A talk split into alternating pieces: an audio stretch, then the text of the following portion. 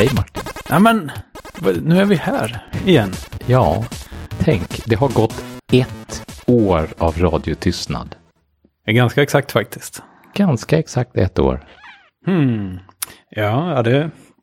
Tiden går fort när man har roligt, höll jag på att säga. Men jag menar ju tvärtom egentligen. Eh, men på något Ja. sätt har vi ändå... Det har ändå... Behovet har funnits där, eller byggts upp med tiden. Ja, liksom, det har Ja, det har, bli, det har byggts, eh, sakta men säkert har det byggts abstinens. först, först byggdes det väl, först var det väl en lite baksmälleperiod där det var skönt att, ah, Åh, fritid. nu är liksom, eh, Livet är tillbaks. ja, det var en massa saker som avslutades förra året efter, Mm. Efter att vi slutade att spela in. Ja. så, så var det ju saker som avslutades. Så här, vi, vi gjorde lite olika saker och sen så det här året har vi ju också både avslutat och påbörjat nya saker. Så det har varit liksom ett, ett år av skiften skulle jag säga. Åh, gud. Och dju- djupt. ja, visst är det. Ja, men det är fint. Ehm, och vi får väl se. Jag tror, ja, vi kanske inte kan lova att hålla på ett år till nu. Vi, vi får se. Men eh, ett tag i alla fall. Så. Ja, Man vet och vi aldrig. kan nog inte lova att komma ut med ett avsnitt i veckan heller. Kan man slippa det? Alltså, Ja, det- ja, ta alltså, det jag, tycker, kommer. jag tycker bara att det är starkt av oss att inse att det var dags att komma tillbaka. Mm. Ja, det också. Absolut. Eh, ja, man ska veta när det är dags att gå. Men man ska veta när det är dags att komma tillbaka också. Ja. oj, oj, oj. Ja, jag, jag, jag, kan, jag kan väl få börja med att berätta om jag har gjort jag har haft framgång i mitt liv. Men det är jätteroligt. Ja, Ja. för vi, vi ska säga en sak, ett skifte som jag får säga innan bara, innan Ja, du ja, börjar. ja. Och det är ju det att vi är inte längre kollegor. Nej, Sen det- ett halvår tillbaka lite drygt. Nej, och det gör väl också det här både med att vem ska man nu prata med om allting och också att det har blivit lite svårare att få till det här. Ja. Nu kan vi inte bara gå och sätta oss i ett hemligt rum längre. Precis, en eftermiddag efter jobbet. Utan nej, Ja, nu, nu, nu, nu krävs det lite mer jobb. Framförhållning. Mm. Ja. Eh, nej, precis. Och det, det förändrar ju saker och ting lite. Men det gör ju också att vi liksom eh, rör oss i olika rymder på något sätt. Och kanske snappar upp olika saker. Eller samma saker. Det har ju också hänt ett antal gånger. Ja. Vi, och, då måste man liksom säga, oh, oh, oh, det här, det här borde vi prata om.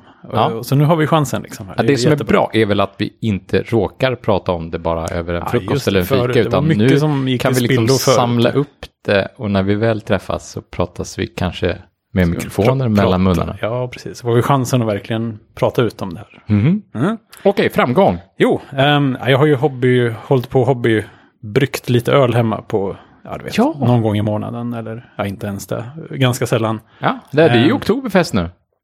ja, just det, bara det, bara en sån sak.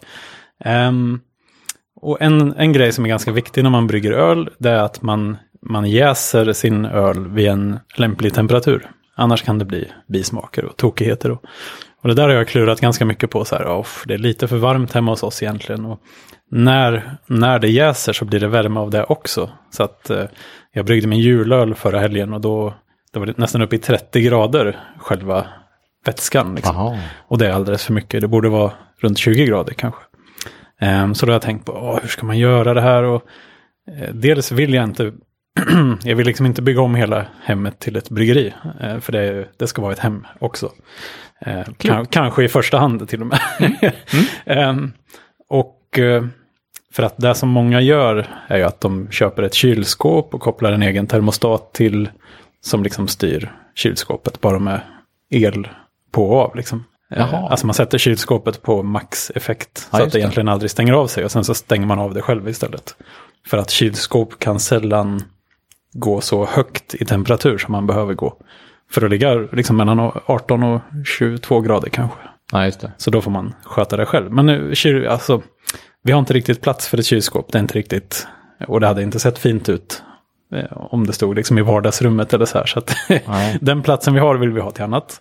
Och det, det, det är liksom, jag, jag tycker också det, så det är ingen konflikt här liksom. Utan det, Nej, jag vill också att hemmet ska vara ett fint hem liksom. Ehm, men så har jag ändå känt att shit, jag måste göra någonting för att eh, har man bara koll på hygienen så är liksom jästemperaturen där det är prioritet två nästan. Det är där det blir bra kan man Mm. säga.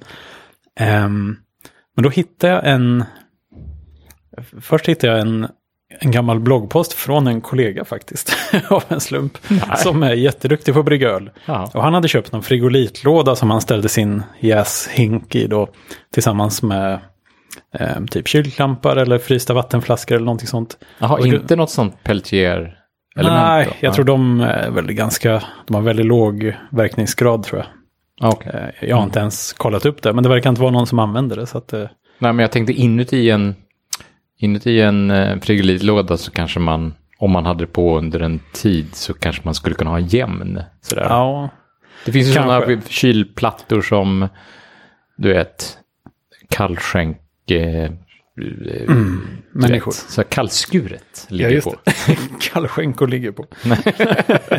Nej, men, men de är väl bara frysta. Alltså de går inte på el. Oh, jag tror att det finns sådana som Går är på el el? faktiskt. Wow. Ja. Shit, ja men det kanske är värt att kolla upp. Men eh, för att de... Men bygger inte de sådana, vad det nu heter, Mm. element på att de skapar en skillnad? Liksom. Jo, det, det blir säkert varmt på andra sidan. Alltså, Ja, ja, Man, men då får man bygga. Ja, men Nej, det, det hade kanske gått. jo. Men eh, då ska man, eh, alltså till och med en stor frigolitlåda kändes lite skrymmande kan man väl säga. Okej. Eh, och Det- just- det, du, vi pratar inte mikrobryggeri här, utan vi pratar nanobryggeri här. Ja, jag brygger 10 liters batchar. Så att det är liksom, hinken får plats i en kub på 32 centimeter har jag mätt upp. Så den är jätteliten egentligen.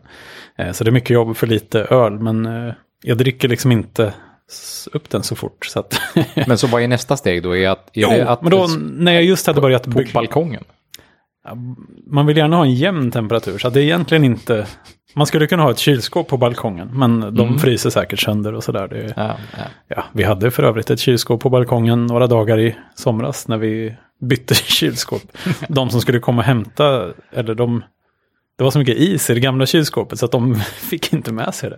Så då var vi tvungna att ställa ut på balkongen Nej. tills nästa dag så att vi skulle kunna frosta av det där ute. Liksom.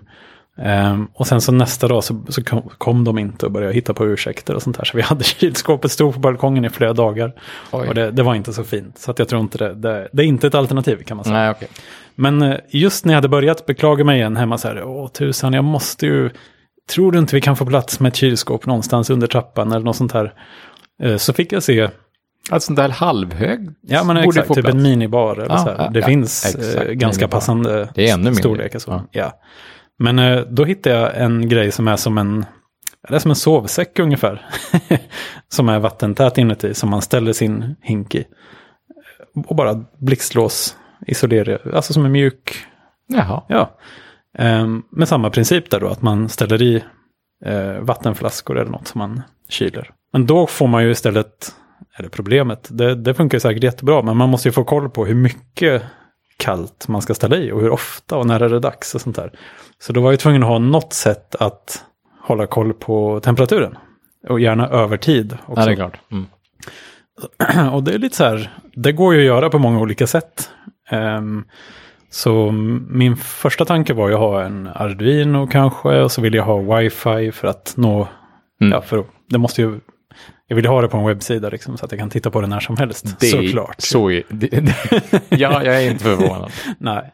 Nej, men istället för att ha en liten display liksom i skrubben under trappan där jag har den här ståendes, Mm. så är det mycket bättre att jag inte behöver gå ner dit och titta hela tiden. Liksom. Ja, det bästa hade väl varit om du hade haft ett program också som faktiskt notifierade dig när, det. när kurvan börjar börjar dags, eh, peka åt fel håll. Exakt. För det är inte Eh. meningen att du ska behöva själv polla temperaturen. Så, oh, oh, ja, nu är det en tre, nu är det en fem, nu är det en sju. Ja, det är sant. Det är någon annan som ska bestämma när du ska dit. Oh. Så jag ska vakna mitt i natten och liksom... Oh, jag, Alltså, jag det är måste bara- robotarna som ska ta över vår värld. Ja, ja, det blir skönt. Jag ser fram emot det. nej, men... ehm, eh, nej, men så, och sen så, så gick jag gick faktiskt och frågade en butik också. Liksom, vad, vad är det enklaste och billigaste sättet att göra det här på? För jag har andra kollegor som är intresserade av hemautomation och sånt. Och liksom, Mm. Det börjar finnas en del. Eh, Ja, bara sådana gamla 433 MHz eh, prylar. Nexa ju. typ, Ja, alltså. exakt. Där finns det ju termometrar också. Men liksom bara en sån basstation, typ Telstick Net, eller vad de heter. Det hette de förut i alla fall. Ja, du har mätat också. Ja. Duo är en sån man sätter till en dator. Aha, okej. Då måste ja. man ha en dator stå igång också. Ah, okej. Men den som, man, den som inte behöver någon dator, som är en dator i sig själv, den kostar typ tusen spänn. Oj. Och sen så ska man ha tem- termometern också. Och den kostar typ 300 spänn tror jag. Så det blir Oj. ganska dyrt. För jag Det var vill en dyr mäta... termometer ja. Ja, det var en dyr Ja. termometer. Eh, och jag vill ju mäta själva ölets temperatur, temperaturen i den här kylsäcken då. Och sen kanske rumstemperaturen bara för att det känns lite nördigt bra. Liksom. ja, ja. Eh, så, och, och det fanns en inne och ute-termometer, men då är det ju bara två. Jag hade fått nöja mig med två kanaler då kan man säga. Ja. Eh, Men så pratade jag lite med en tredje kollega som gillar att löda och Arduino och sådana grejer. Som tipsade om någonting som heter Node MCU, tror jag de heter. ja. ja. Ehm, och den, det, det liknar Arduino lite grann. Det är som en liten enchips, eh, ja, inte enchips, men en, en kortsdator. ja det är ju verkligen eh, Internet of Things för hemmabyggaren. Ja, Kan man säga. det är liksom open source hårdvara baserad på ett chip som är gjort för wifi. Typ. Så Precis. att den har wifi på sig. Och när de här först började komma, då såldes de som ett wifi-chip till Arduino. Så man liksom satte den här, Och det finns fortfarande. ja det finns fortfarande, absolut. ja. Man satte den på sin Arduino, liksom plopp, nu har din Arduino wifi, grattis. Precis. Men så var det som någon skrev att varför ska jag sätta en Och det är ESP 8266 vi pratar om. Exakt, det är det som är själva chippet då. Mm. Precis. Um, och det, var, det där var lite kul, för att det verkar som att det, det där chippet kom och folk bara, oh, coolt.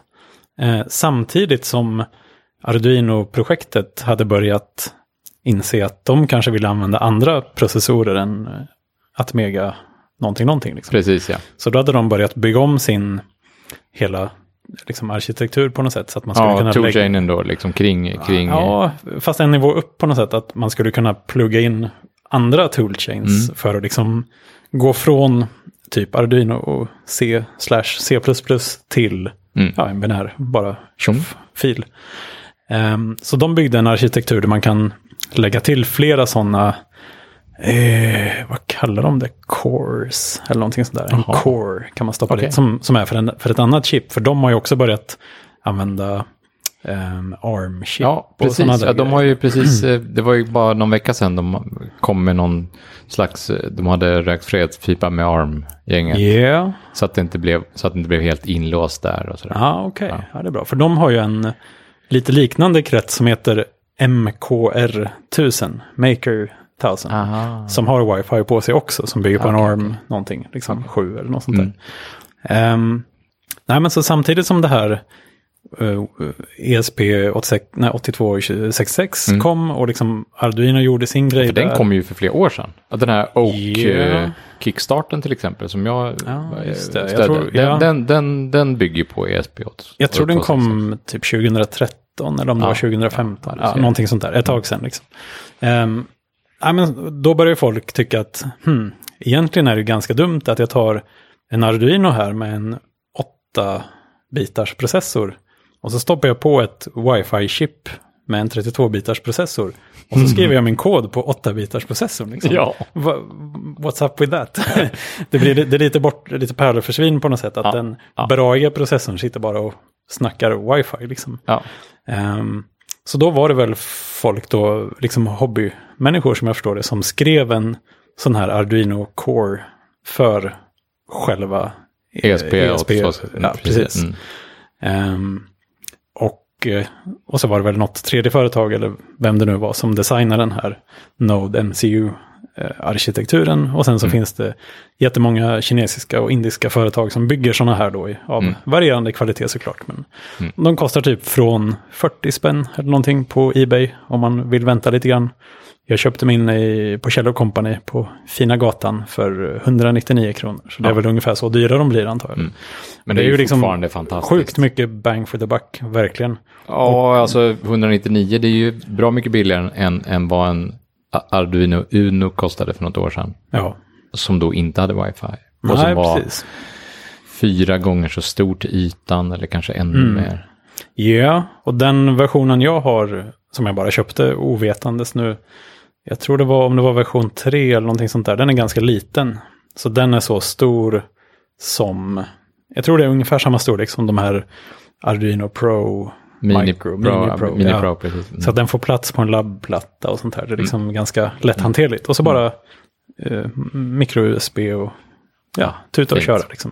Och Det som Arduino inte hade under lång tid, alltså de här Micro, Mini Pro, där var man ju tvungen att ha en special USB-sladd som, som inte, som, ja, för, för själva USB-emuleringen. Liksom, för, ja, okej. Alltså Arduino Uno har ju haft den gamla USB-A-kontakten länge. Den, den började liksom med. USB-A till och med. Det är stort. Ja, det är Bokstavligt stort, talat. det var där det började. Ja. Nej, men så att... eh, Och och sen, eh, sen gick jag och tänkte på det här ganska länge. Att ja, men jag borde ju göra det här. Eh, Det är ju inte så svårt. Jag hade googlat upp liksom att ja, men här finns det en bra temperatursensor, one wire. Liksom, du kan koppla in hur många du vill i princip. De kostar 80 kronor styck med liksom kabel och, och hylsa och hölje och allt vad det heter. Ehm, och jag hade kollat, det fanns tillgängligt. Ja, hur, hur gör man det? Eh, Det måste jag fråga dig. Ja. Hur, alltså, när man ska mäta temperaturen inuti ölen. Ja, Vad, vad är det för... Vad har helst för... vill man ju inte stoppa i något Nej, i jag ölen. tänkte det är precis, väldigt noga hur gör du med det? infektioner hur, och sånt där. eh, Så. Kokar du termometern innan? Eller hur? Nej, jag har den inte i ölen alls, utan jag sätter fast den utanpå hinken med liksom isolering utanpå, så blir det good enough. Då ah, vet man i okej, alla fall okej. att, det så, så det blir kontakttemperatur då? Mm. typ. Alltså så mycket som eh, hinken Hink- strålar ut. Hinkkant liksom. liksom. Mm. Exakt. Jo, men så det är en approximation kan man väl säga. Ja, jo, ja men Av- det, det är bra. av ölens temperatur. Ja. Ehm, nej, men så hade jag kollat upp att det fanns exempelkod för att ha flera sådana här på samma eh, ja, input-pinne då. Och eh, hur man gjorde med wifi, att alla libraries funkar till den här Node MCU också. Ehm, så jag visste liksom att det här går att Så göra. man kan ta ett gammalt Arduino-projekt och bara kompilera om det för den här Node-arkitekturen? Ja, och det görs ju. Man, man bara kopplar in den och trycker run. Så funkar det. Liksom. Det är så fint. Så det man får göra är att man installerar Arduino ID-programmet då. Mm. Sen får och det är man- den officiella Arduino-idén. Ja, för det har ju fått massa olika smaker av den nu. Och sen så Ja. har det varit någon liten fight där. Och Jaha, där. Ja, Ja, jag har inte varit i den svängen på länge, men, Nej. nej, men det är den helt vanliga. Jag tog den senaste officiella från webben, Ja. eh, deras egen sajt då. Ehm, sen så lägger man till eh, någon sorts boards. Finns det. det finns en board manager där man Ja. kan ladda in de här coresen, antar jag Ja, då. ja, ja, precis. som vi säger på svenska. Ehm, och sen eh, ja, får man installera de biblioteken man behöver för wifi till exempel. Mm. Ehm, och det finns liksom Hur mycket internminne är det i en sån där? ingen aning. Nej, eller eller Nej, kanske lagringsminne då? Alltså, för de gamla Arduino... Ja, det var lite svettigt i början Ja, oh, Ja. ja, precis. Nej, men det 100, var- Den eh, 168 där, hade den liksom 8 kilobyte eller något? Ja, men eh, alltså där kommer man rätt långt. Jo, det kommer man ganska långt med, jag håller med dig. Men så fort man skulle ha lite statisk data, lite lookup-tabeller och sådär, Ja, sånt tar ju plats. ja, helt plötsligt så blev det... Men alltså för att göra det jag vill göra så behöver man egentligen inget. Det är typ libraries som tar plats. Temp- nej, nej, absolut. Så, så det Ja, ja. liksom wifi-biblioteket. Ja, jag skäms ju att säga att jag har ju, jag mäter ju temperaturen hemma. Ja, men det har vi ju pratat om. Ja, men, men, men det gör jag ju med Raspberry Pi. Ja, men förut var det väl någon gammal server som gjorde det. Så det är ju ett, ett steg i rätt jo, det riktning är ett ändå. rätt steg i rätt riktning, men jag, jag skulle ju kunna göra med en, med en mycket mindre IoT. Ja, väldigt Ja. liten faktiskt. Ja, jag, får, Men- jag får kamma mig. Om det funkar så behöver det inte lagas, eller vad man brukar säga. Nej, så är det. Ja, nej, så att eh, wifi-biblioteket, ehm, ett OneWire-bibliotek från eh, ehm, Te- Texas, Dallas Mm, Semiconductor. Ja, ja, eller något precis. Ja, för det, det är väl en sån här DS1820 Ja, typ termometer. Ja. Klassisk. Alltså de ser OneWire. ut, en sån liten TOS, vad de nu heter, Ja, kapsling, ja, fast ja. den här sitter i en bra termometer, liksom Precis. probe på något Ja, just sätt. det. Ja, en, är naken ser den ut som en transistor. Ja, exakt. Mm. Precis. Ehm, och sen så ett bibliotek som de, det är liksom ett bibliotek ovanpå OneWire-biblioteket som gör att just temperaturmätning blir väldigt enkelt. Som heter typ Dallas Temperature eller någonting sånt. Ehm, och sen är det bara att köra. Det bara funkar. Liksom, det är Mm. skithäftigt. Um, nej, men så att jag köpte en sån i förrgår. Tänkte jag, nu är det dags. Eh, nu köper jag en sån här på vägen hem. Mm. Och så kopplade jag in den och efter mycket om och men fick jag det att funka. För att eh, det visade sig att ett, väl, ett väldigt vanligt, men eller en fallgrop man kan råka ramla i, som kanske inte är så vanlig så att det är lätt att hitta vad som är fel, men ändå tillräckligt vanlig för att jag skulle råka ut för den. Okej. var att det är många USB, sådana mikro-USB-kablar som bara är gjorda för laddning. Så de har inga datasladdar i sig. Typ sådana man får med hörlurar och sånt där. Nej, Så jag satt där och försökte, jag fattar inte varför inte min serieport dök upp. Liksom. Ja. Och ja, det dumma var ju att den här sladden som jag faktiskt provade med, den hade jag hittat på marken utanför huset några dagar innan. så det var verkligen bara så här, oh, den här... är- Du kopplar in vad som helst i din USB-port, uppenbarligen. Sounds legit. Liksom. Ja, okej. Nej, så, men- vill man, så vill man få in virus i din USB-port, då ska man lägga kablar utanför ditt hus, det hör jag det. Ja, absolut. Eh, Det var roligt. Ja, nej. Så att när jag tog en riktig fin sladd, då funkar det direkt första försöket. Liksom. Ja. Eh, och det var faktiskt en grej till man behövde installera. Det är um, sån här uh, UART serieport Ja, det. emuleringsgrej Det är- för det här chippet som är på den versionen av den här kretsen man har köpt. Då, liksom. Just det, och det är väl en sån här ganska specifik Mac-grej tror jag va? Ja, det kanske det är. Jag, jag, kör ju Mac, så att jag fick ju googla upp hur man gjorde det där. Och, Ja. Ehm, och det, det, jag hittade till slut en jättebra tråd där någon hade liksom gjort väldigt noggrann felsökning. Så här, nej men den här Kext extension-grejen, den finns ju där. Varför laddas den inte in? Mm, kan du kolla det här? Kan du kolla det här? Det fanns massa kommandon man kunde använda för att se att den Oh, här den tråden finns. ska vi länka till. Ja, det får vi göra, för den var ganska bra. Och sen så någonstans mitt i så bara, oops, det var bara en dålig kabel. så eh, så att, och det hjälpte det är inte bara du alltså? Nej, det var inte bara jag. Eh, och hade jag inte hittat den hade jag inte ens vetat att det fanns sladdar som inte Ja, liksom, gick hela vägen på något sätt.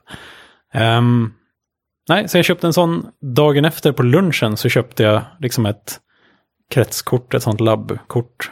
ja, så, så du kunde löda på termometern? På, på Ladda dit sensorerna och ett par lysdioder för att kunna ha lite status liksom. Eh, och sen funkar det. Det var liksom två timmars jobb kanske. Mm. För att göra det här. Och det var första gången du gjorde det dessutom, två timmars Ja. jobb. Alltså, Ja, alltså inklusive- nästa steg är ju att du gör det bara sådär.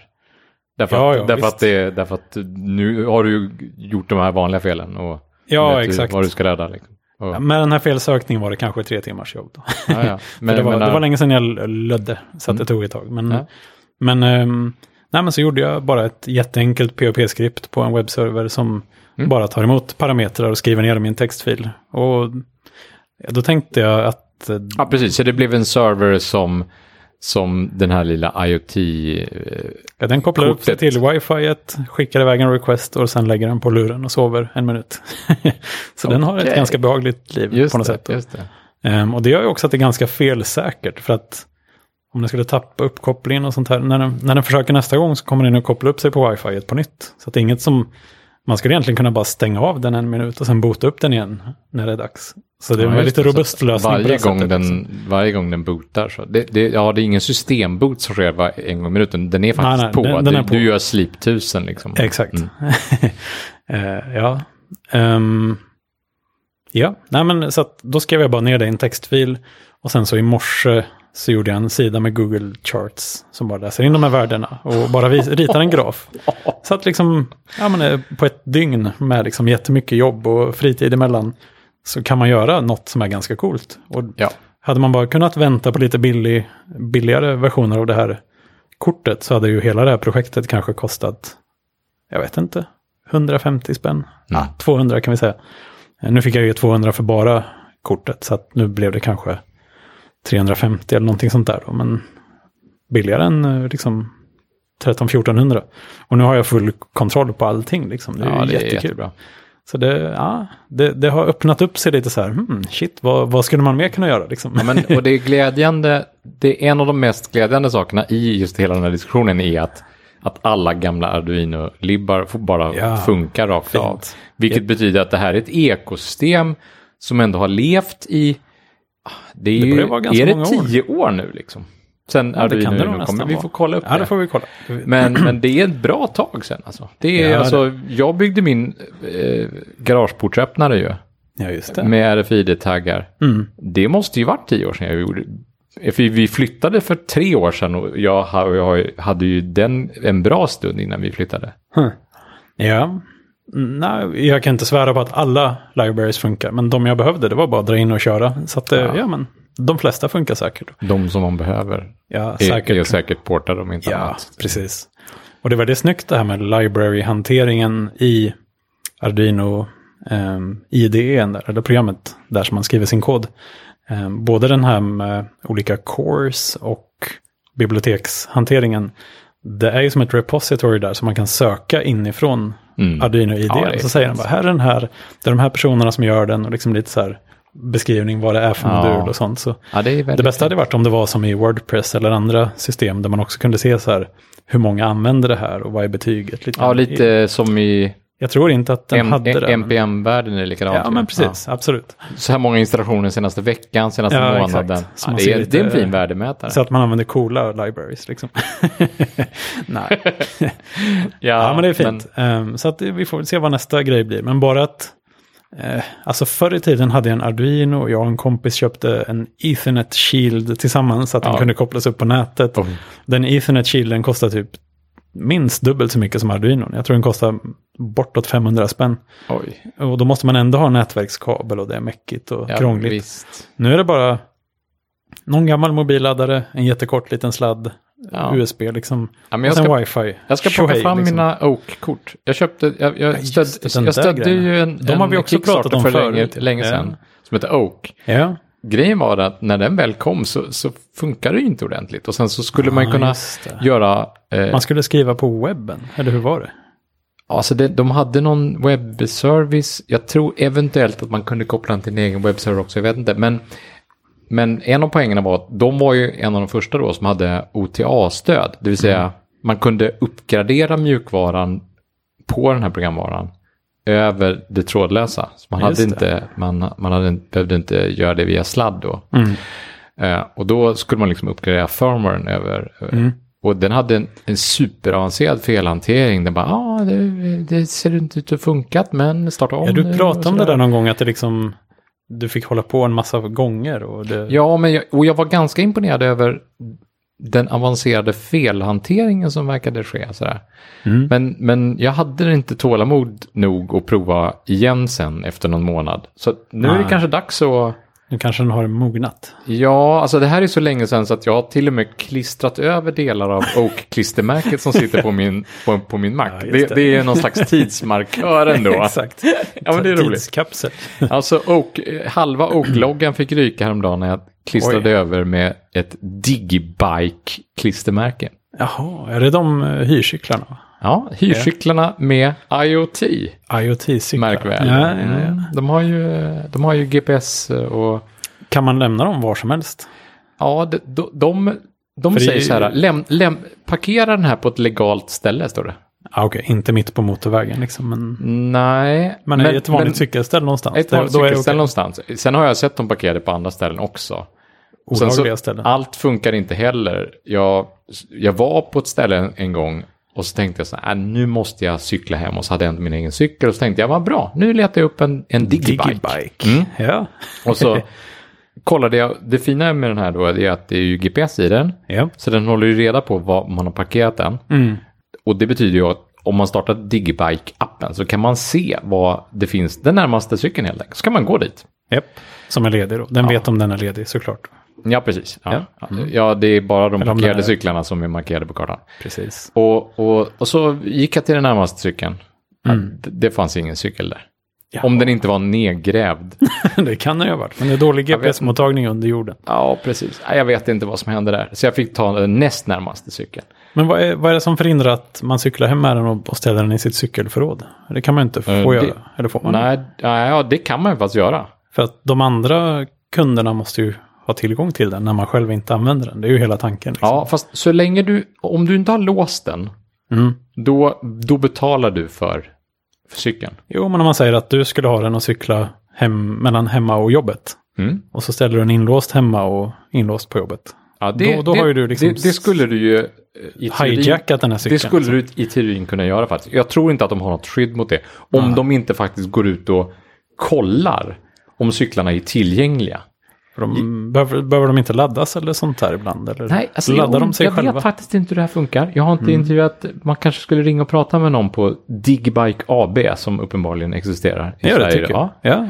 Ja. Ehm, jag tror att den här GPS-enheten laddas av någon typ av dynamo. Det, det är ju frestande att tänka så. Ja, Man ja, vill ju verkligen. att det ska vara För så. det finns, ju, det finns ju någon typ av tjuvlarm i den. Så försöker Mm. man flytta den till exempel medan den är låst, då börjar den pipa. Det blir en arg. Ja, då blir den arg. Ja. Så jag Nej, men cyklade menar- hem den en dag och ställde den i mitt eget cykelställ utanför min, min port. Japp. Och där stod den en vecka. Jaha. Men nu är den borta. Så nu har någon cyklat iväg med den. Men när, för vi har ju i Lund då där det här utspelar sig eh, så har vi ju det, liksom det kommunala initiativet som är de här JCDK, Ja. vad de heter. Det, det är ju reklam, liksom ett reklam, ett franskt reklamkonglomat är det väl som, Ett gammalt affischföretag. ja, Det är ju jättegammalt det affischföretag. ja, eh, som har de här jättetunga hyrcyklarna som i och för sig funkar, men de är skönast att cykla utför med kan man väl säga. Det kan man säga. Det här, Eh, men den här gula cykeln var ju bra. Alltså, Det det var en treväxlad cykel. Det var Ja, en, det var, den var en helt okej upplevelse. Mm. Men jag menar de andra, de hade ju någon sorts, de måste man ju lämna på en speciell station, liksom. Mm. En cykelstation. Liksom, station. och, och den har ju också en app. För att vara man- återlämnad, ja precis. Ja, exakt. Och det är ju lite rimligt på något sätt för att cyklarna ska finnas på rätt ställen. Och sen så åker de ju själva runt med cyklar och Och liksom se till att de är distribuerar välfördelade över de här Ja, stationerna. och liksom servade och sådär. Men de här Digibike, det känns lite mer, det är lite mer löst och ledigt på något sätt. Att ställ den var du vill och Ja. Men måste man låta den vara kvar i Lund? Om man cyklar Nej, liksom till... du, det är roligt att du frågar det. För det, ett, ett av mina barn frågade det. Så här, får man cykla till Malmö med den? Ja, men får man Och- cykla och- till eh, Norrland med den? Ja, äh, Alltså då har man, då är ing- ingen annan kommer att ta den där liksom. nej. Finns det Nej, jag vet användarvillkoren inte. I och med att det är GPS så antar jag att, att den på något sätt är, säger ifrån när man cyklar för långt. Jag vet inte. Den kanske låser sig. upp, Nej, det hoppas jag inte. Men en sak som jag tänkte på. Det fanns ingen, inte i alla fall på den som jag cyklade på. Det fanns ingen giltig belysning på den jag cyklade på. Ah, Nej, och då det tänkte, var dåligt. och, och, och jag menar, det är ju jag som cyklist som är ansvarig för belysningen. Ja, visst. Det kan ju inte vara cykel...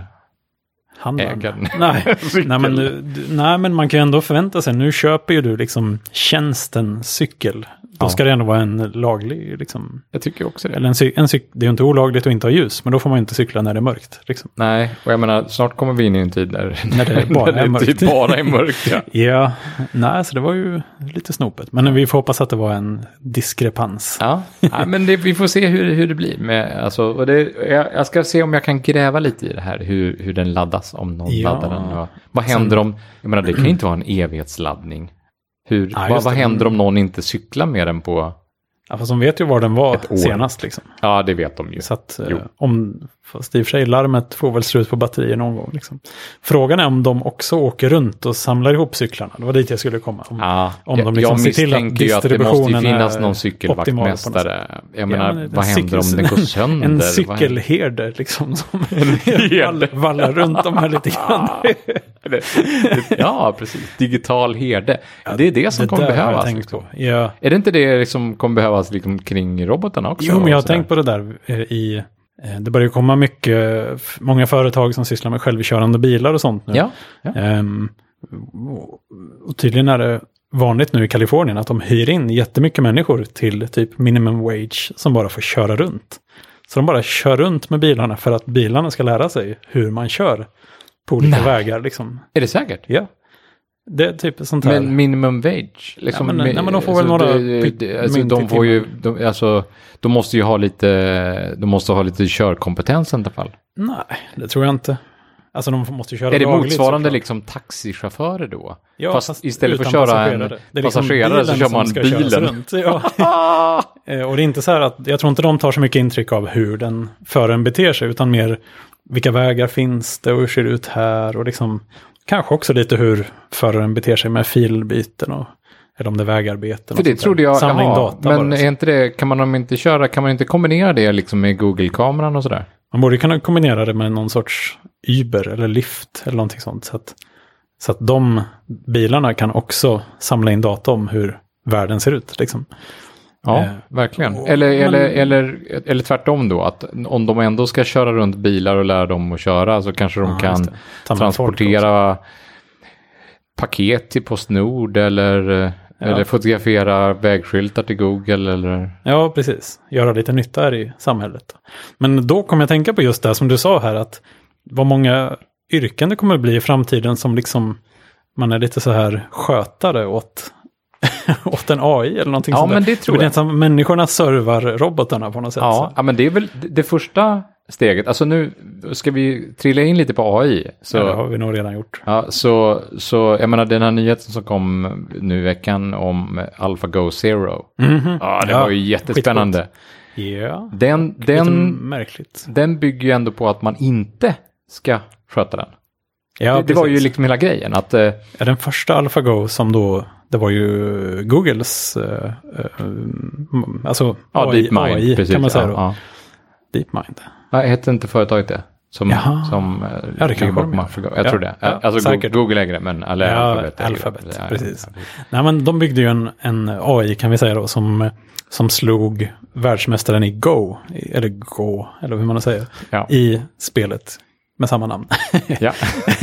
och det blev så här, wow, helt bisarrt för att alla trodde vi var flera år från att det skulle hända eftersom Go, om vi nu får kalla det det, eh, är ett så komplext spel så att det är väldigt svårt att mappa upp vad är egentligen ett bra drag här eh, framöver. Men den slog ju, den här eh, koreanen var han väl i, med typ fyra matcher av fem eller någonting sånt där. Mm. Va- Vann den här AIn då. Eh, men den som du nämner nu, Zero. Ja. Jo, för att den här första, den byggde ju på att den hade ju ett neuralt nätverk som, an, som, hade, som fick liksom jättemånga Go-matcher i sig bara inöst. Så här, så här, Ja. så här går det till. Eh, och sen så hade den, som jag förstod det, ett annat neuralt nätverk som typ bedömde hur bra en... Den hade en, en, en liten manik som, som kunde Som hade ett- erfarenheten kan man säga. Ja, och ja, men en, en manik som kunde föreslå ett drag och en annan manik som kunde bedöma hur bra det här draget var eller något sånt där. mm, Ja, och så, och så slog den den här världsmästaren då. Och så byggde det på att den hade spelat i, att den hade Den hade typ och analyserat alla på typ Go-matcher. 200 000 Ja, Go-matcher helt sjukt. på Japp. hög nivå. Liksom. Japp. Men den som du nämner Eller nu. Go, ja. Go. Ja, Ska vi säga ja, Go? vi, vi säger Go. Okej, ja. Ehm, den som du nämner, Zero, den hade väl bara fått reda på reglerna som jag förstår Ja, den hade faktiskt bara fått reda på reglerna. Och det, det, För att det som var lite att Jag kul- tror att det var tre saker som... Den här, om jag Ja, bara får flika in, ja, den, den här första, den första som vann, den kunde inte reglerna alls. Den hade ingen aning. Den visste Nej. bara hur det brukar se ut. Liksom. Ja. Men den här, den här, den kunde bara reglerna. Ja, det var lite roligt. Det, det, det, det var väl så att skillnaden var... Precis, den... Eller bara, den men det Alpha byggde Zero nu, den nya, den, den fick inte spela igenom några matcher i förväg. Nej. Den fick reglerna och den fick inte ha några... De, de skrev lite luddigt, men, men de- den förra versionen hade, hade lite så här hårdkodade, små finjusterade eh, regler.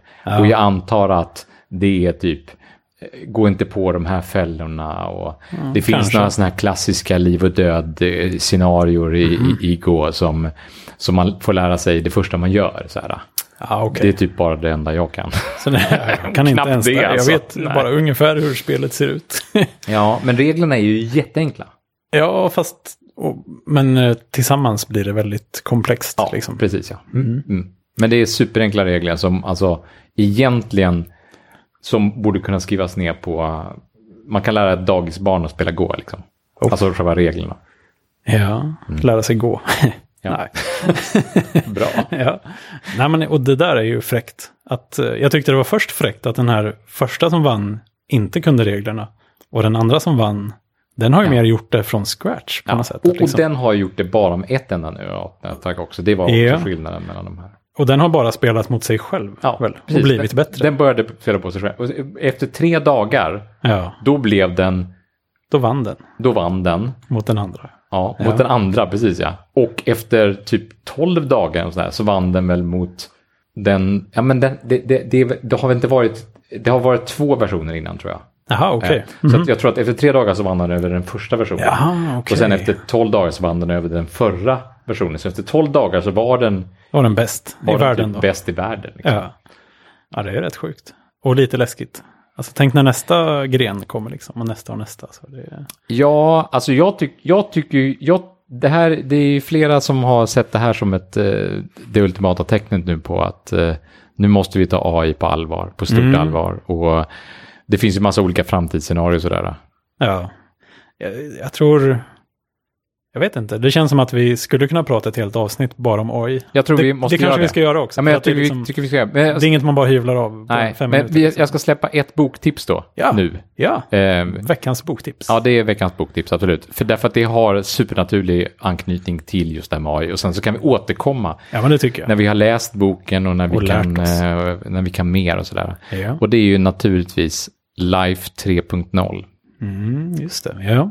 Ja, jag har ju läst eh, första kapitlet. Ja, och det, ska man bara läsa lite, lite, lite, lite om, om eh, vad, vad som kan hända och vad folk tror inte kan hända respektive tror kan hända och vad folk är oroade för respektive vad folk inte är oroade för. Då ska man läsa det första lilla eh, avsnittet, lite, med, lite mer dramatiska avsnittet i den här boken. Det tycker jag var mycket inspirerande. Mm. Och den är skriven av en, en svensk va? Ja, den är skriven av en... Det är skriven, ja, ja, det är faktiskt... Den är skriven av en gammal gymnasiekompis till mig som heter Max. Ja. Som heter Max. Den är skriven av Max. Max Tegmark, Life Ja. 3.0. Ja, men den... eh, Det känns som vi... Vi kanske avrundar det här. det gör vi. Med, liksom, vi skickar med ett boktips och så hörs vi igen snart. Kan Jättebra. Ja, bra. Ha det gott. Toppen. Hej.